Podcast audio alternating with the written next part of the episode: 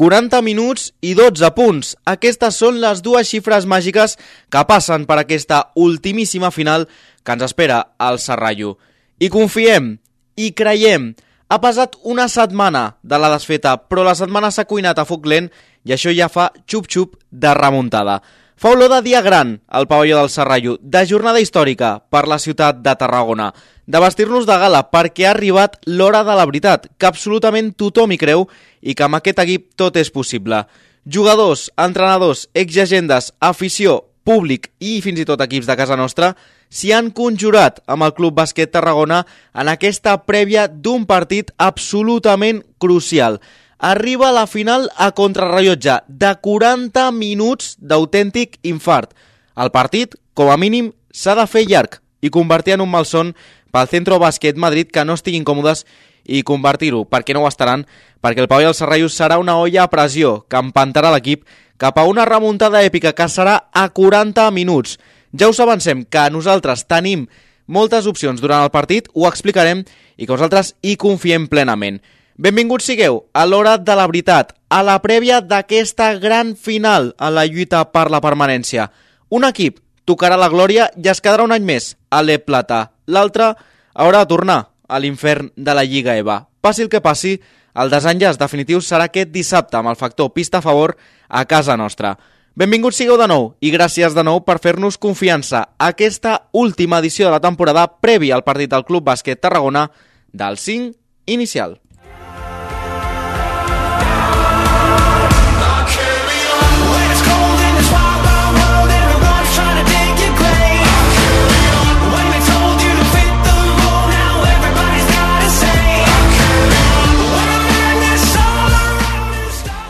Setena i última edició d'aquest 5 inicial, el programa previ de Ràdio Ciutat de Tarragona amb el final de temporada d'aquest Club Bàsquet Tarragona i que en aquest cas ja arribem a aquest desenllaç. Dissabte a les 7 de la tarda comença l'últim assalt de 40 minuts.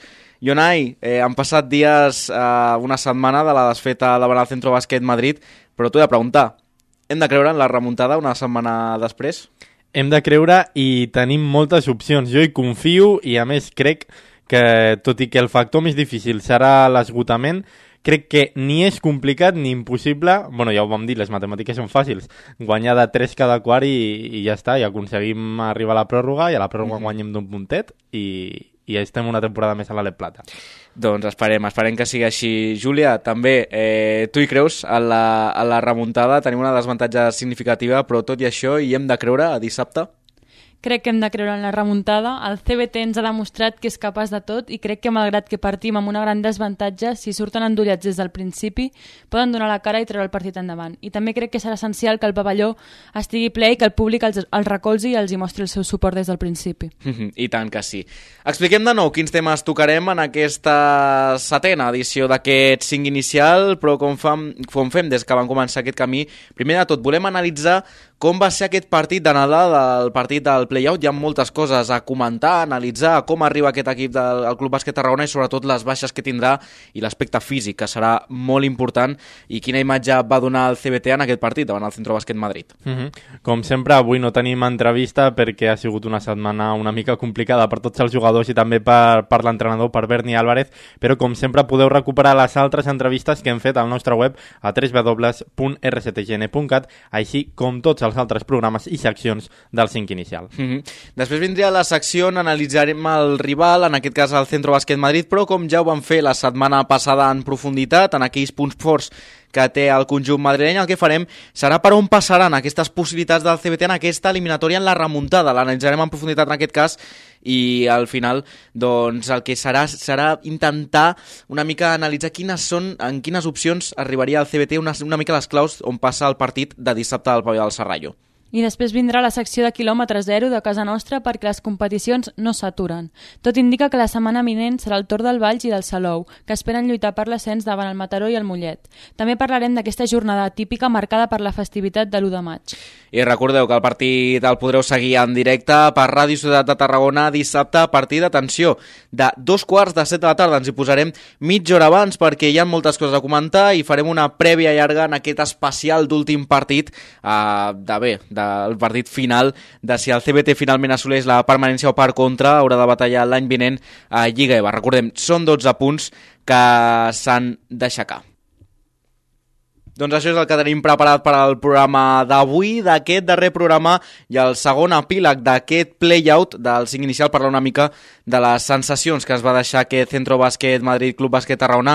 Jonai, va ser un partit on vam entrar molt bé, eh, el primer quart va ser excepcional del Club Bàsquet Tarragona, però després van fer tres quarts que van penalitzar i molt el conjunt de Berni Álvarez. Sí, és estrany, no?, que després d'un viatge tan llarg fins a Madrid, gairebé 6, 6 hores i, i algo, eh, fins al pavelló, que entris també en un partit, és, és estrany, no? I, I ho vam fer molt bé, vam començar molt bé el partit, però al final mmm, el que va agafar més rebots ofensius és el que guanya, i és que el Centro Bàsquet Madrid en aquell partit va agafar més rebots ofensius que defensius, i és que això és una dada molt significativa perquè és mmm, totalment al contrari habitualment, no? Eh, què va provocar això? 25 tirs més del Centro Bàsquet Madrid i per tant una oportunitat d'anotar 50 punts més i mm -hmm. fins i tot si anotes la meitat uns 25 punts més que el, que el CBT que tot i que va estar molt encertat des de la línia de tir i ho vam comentar al partit i ho repetirem, va estar molt encertat però eh, aquestes segones opcions que va concedir al final van ser la part negativa d'aquest partit. Jo crec que si controlem això i en defensa estem sòlids, el partit i les cistelles al final acabaran entrant i és una diferència no molt avoltada, són només 12 punts. Habitualment els partits eh, s'acostumen a perdre per uns 10 punts de diferència si un equip destaca una mica i crec que hem de tenir això en compte, no? Eh, ho vam patir també tu i jo, una cosa molt important allà a Madrid, que és... El factor de microclima. El factor de microclima de, de la piscina, no? Que això, aquell camp era una, una olla, feia molta calor, feia molta humitat, i jo crec que això, si ho vam notar tu i jo, que les úniques pilotes que vam tocar van ser les de l'escalfament. Imagina't els jugadors que van estar jugant 40 minuts amb aquella humitat, amb aquella calor, jo crec que això també desgasta i si no estàs acostumat amb aquell pavelló és un dels factors que jo crec que per desgràcia va decantar el partit a, a favor del Centro Bàsquet Madrid. Sí, estic totalment d'acord. Crec que aquests últims partits el CBT comença el partit de manera molt sòlida, però a mesura que va passant els minuts concedeix massa rebots ofensius i, clar, llavors l'equip rival els aprofita. Per això crec que serà important que aquest dissabte controlem això no? i que defensivament estiguem sòlids i concentrats per tal d'evitar donar segones opcions al rival. Mm -hmm. De fet, ho parlarem en la secció del rival que tenim preparada, perquè moltes opcions passen per aquí, perquè vam veure un Centro Bàsquet Madrid que té molta alçada, que té molta qualitat, sobretot de jugadors joves, però sí que és veritat que passa una mica les possibilitats per això, pels rebots ofensius que van concedir moltíssims um, rebots. Jonai Júlia, si us sembla, doncs parlem una mica de la part positiva del partit. Ens hem de quedar doncs, una mica amb aquest primer quart com a brida d'esperança, aquella cruïlla per intentar agafar-nos a la millor versió del, del CBT, que sens dubte va passar les seves opcions, sobretot en aquest eh, joc interior, les jugades individuals, els driblings als defensors, eh, que eren, eren molt alts eren ràpids al contracop, però a l'hora de girar era una mica lents, sobretot en la, la part defensiva. No sé si teniu aquesta sensació eh, doncs, durant el partit. Crec que eh, el que vam fer molt bé va ser el primer quart que vam trobar espais a tot arreu i vam aprofitar eh, el bon joc interior dels pivots del CBT, com de Ferran Torres, com de Dejan Bielic, van girar-se molt bé amb els seus defensors i van trencar i van aconseguir cistelles fàcils. Això va fer que els defensors del Centro Bàsquet Madrid es tanquessin. Què passa? Que així obres tirs pels jugadors exteriors i també ho vam aprofitar, vam aconseguir triples al primer quart que van trencar una mica el marcador, no va ser una diferència gaire ampla, però bé, 7 punts de diferència que al final et donen una mica de, de tranquil·litat, entre cometes, així ho vam veure, va treure Berni Álvarez a Thomas Cohen, eh, va treure els jugadors menys habituals per fer descansar també els, els més habituals, perquè sabia que vindria un partit molt complicat, i va ser aquí quan el Centro Bàsquet Madrid va canviar la defensa o va estar més inspirat en defensa i va començar a recuperar pilotes, va lluitar més pel rebot ofensiu, però jo crec que de totes formes van veure un, un Centro Bàsquet Madrid que en atac va ser molt constant. Jo crec que va fallar molt al primer quart i per això van veure també com el CBT eh, estirava una mica el marcador, però sí que és cert que eh, el conjunt rival va fallar moltes cistelles fàcils sota l'aro i que després ho va començar a anotar, no tot, però sí que va començar a anotar aquestes cistelles que són més habituals. No? Vam veure dos cares del CBT aquest primer quart on pràcticament veiem que el CBT arribaria a uns 100 punts, una cosa molt estranya mm -hmm. per un Mhm. CBT que promitja uns 70 punts, i després vam veure aquesta part negativa. Aquesta baixada. Mhm. Clar, no vam defensar bé el primer quart tampoc, eh? Això tampoc... Ho... Mhm. Jo crec que el primer quart. Van, van trencar molt fàcil, els rebots ofensius també van caure al primer quart, però clar, si et funciona l'atac, potser no veus aquests errors en, en defensa, no? Jo crec que és el que va passar. Quan al CBT li va costar anar a Cistella i anotar amb facilitat, van veure darrere que vam ser un, més un, un coladero, no? Era, trencàvem molt fàcil, buscàvem molt bé les esquenes, eh, recuperàvem pilotes i la velocitat que tenen és molt i molt ràpida per aconseguir punts fàcils. Jo crec que tot això va provocar al final aquests 12 punts de diferència. Mhm. Una cosa que no vam comentar durant la retransmissió i que va ser força significatiu, perquè bé, les dades les tenim en directe, però és una dada que és molt significativa pel que va ser el transcurs del partit, perquè ho va explicar Berni al postmatch, quan va venir a la nostra zona a parlar amb nosaltres a les seves impressions, i és com va arribar l'equip físicament al tram final del partit sense benzina gairebé.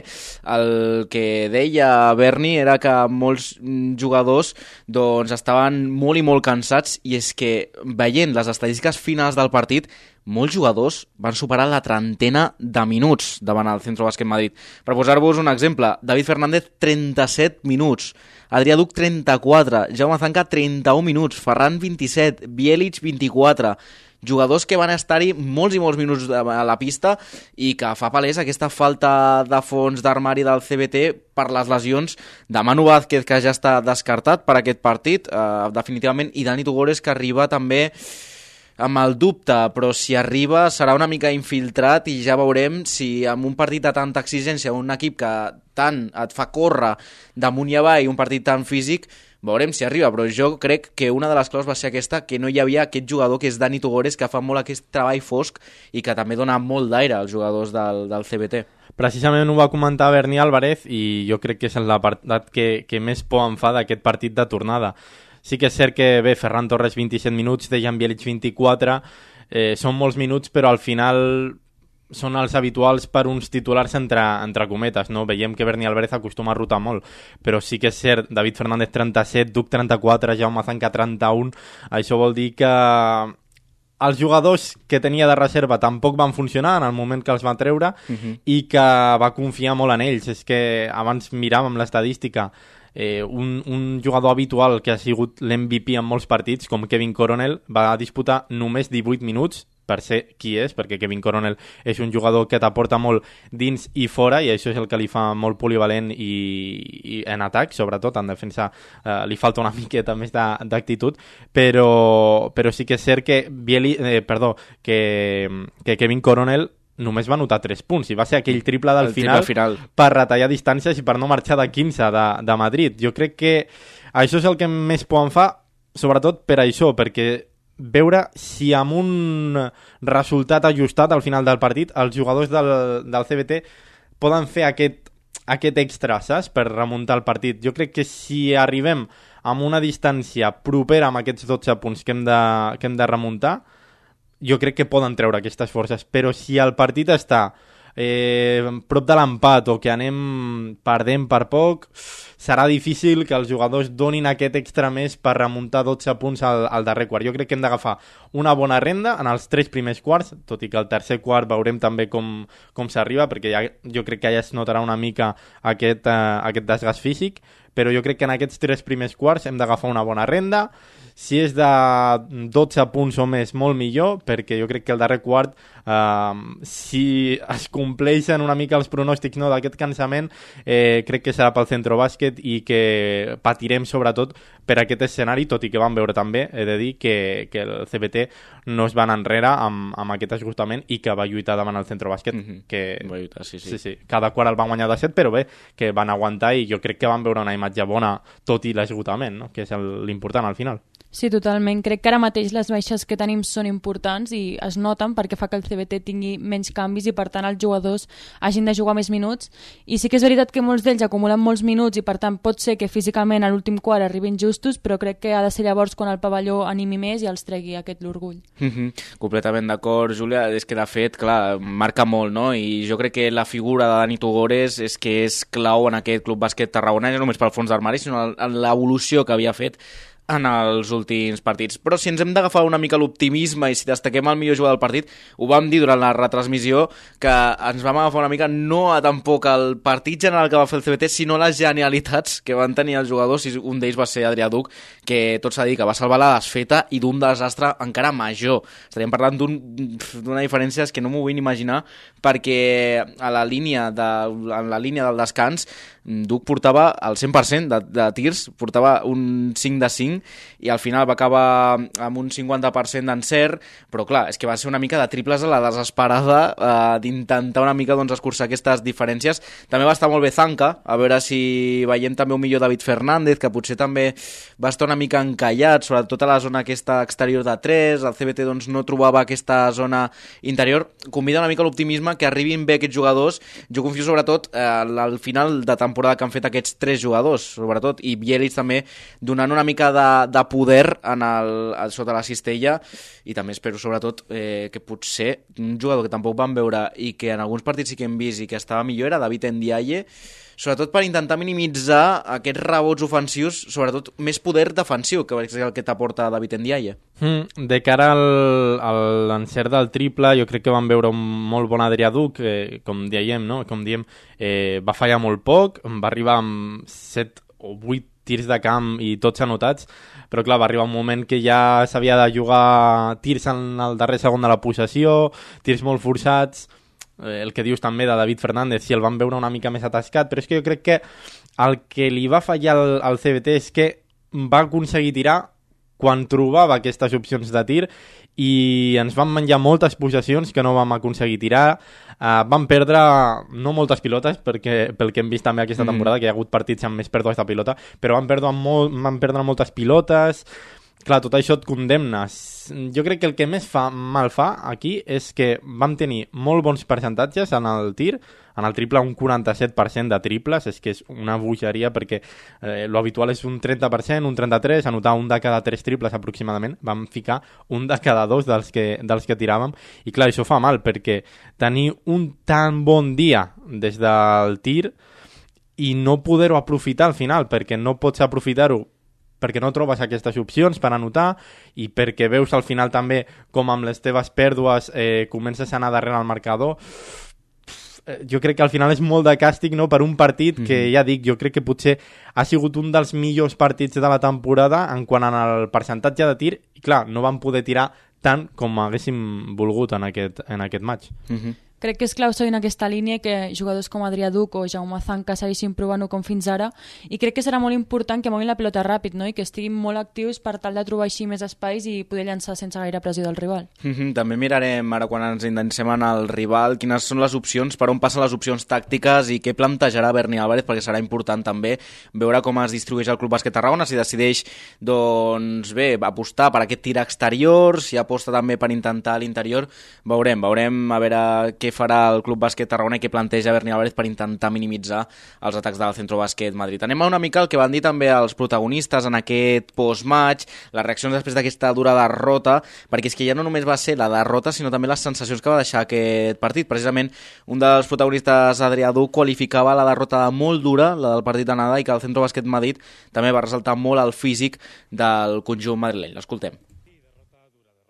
Eh, això hem començat començat bé, ens creiem en possibilitats, bueno, les seguim tenint, per supost, però això, ells han sigut molt constants, el rebot ofensiu d'ells ens ha matat, són un equip molt físic, molt gran, que van molt fort al rebot i bueno, crec que és el que ens ha matat. Tot i això, Adrià Duc també creu en la remuntada al Serrallo. L'escorta demanava també que el públic acompanyés de l'equip aquest dissabte en la final més important de la història recent del CBT cop dur, però que ens podem refer perfectament eh, i això, dissabte necessitarem el suport del Serrallo, que vingui, des d'aquí aprofito per dir-li a tota la gent que pugui que, que vingui, que els necessitarem i bueno, que Tarragona mereix ser de la plata i que ho aconseguirem. Qui també parlava de les impressions del partit és Berni Álvarez. El tècnic del Club Bàsquet Tarragona remarcava que no serà fàcil poder minimitzar el físic dels exteriors del centre bàsquet. Berni, tot i així, també creu en aquesta remuntada. Eh, no serà fàcil, no serà fàcil, perquè al final el físic és el físic, no? Vull dir, tu l'esforç l'has de millorar, però l'apariència física dels nostres exteriors comparat amb els seus és molt diferent i hem d'intentar bueno, treballar més amb el tema de, de bloqueig de rebot, de l'utilització de les faltes, etc etc. Però ja et dic, jo crec que hem fet tres quarts força bons, tenint en compte només el tema del rebot, i a l'últim físicament jo estava patint molt per, per alguns jugadors i no tenia, no tenia recanvis i, bueno, i al final sort del triple del Kevin que ens ha rebaixat una mica la diferència però si no, bueno, eh, ha sigut potser ja quasi definitiu. Hem de lluitar, hem de lluitar, hem de lluitar, hem de saber els errors, hem de saber que ara mateix pues, la nostra retació és molt curta, que, que depenem molt de, pues, de, de, de l'Adri, del Jaume i, de, i del David per fora i que això comporta també el fet de jugar molt cansats durant molta estona, però bueno, ens hem de, ens hem de recuperar i bueno, no, no, no, no, ho veig, no ho veig totalment impossible ni molt menys. Eh, tenim oportunitats, les tindrem, estic convençut. De fet, l'entrenador blau també va voler fer una crida al pavelló del Serrallo per donar aquesta energia necessària als jugadors per la rotació curta que tindrà el CBT per aquest partit i les grans absències que tindrà pel duel. L'afició serà el sisè jugador per aquest maig. Bueno, pues que, que necessitem, no? Que som un equip que, que necessita molt aquest extra d'energia que, que, et dona, que et dona la gent, que hem vist no? que aquí, tot i que som un pavelló petit, però la gent al final estava, estava apretant i els hi donava energia i que els necessitem, perquè és, és l'últim partit de, de Lliga, per sort poder ficar gent i ens ho juguem tot, no? Així que espero que la gent vingui, que, que animi tot el que pugui, que doni aquesta energia als jugadors, per si, si seguim amb, aquest, amb, aquesta, amb aquesta rotació tan curta i que aquest esforç extra que ens ha faltat avui pues, no es falti el dissabte i, i ens ho donin ells, no? Doncs així arriba el Club Bàsquet Tarragona per aquesta final a contrarrellotge 40 minuts on s'han d'aixecar 12 punts per igualar l'eliminatòria i 13 si volen guanyar. Com diem, el factor físic serà importantíssim per aquest partit on presumiblement haurem d'aprendre de David Fernández, de Jaume Zanca, d'Adrià Duc, d'aquesta rotació curta i perquè el Centro Bàsquet Madrid almenys se li facin molt llargs aquests 40 minuts al Serrallo. Recordeu, aquesta última final de la temporada la podreu seguir íntegra a Ràdio Ciutat de Tarragona a partir de dos quarts de set de la tarda amb tot l'equip, com sempre, i el partit a les 7 de la tarda al pavelló del Serrallo.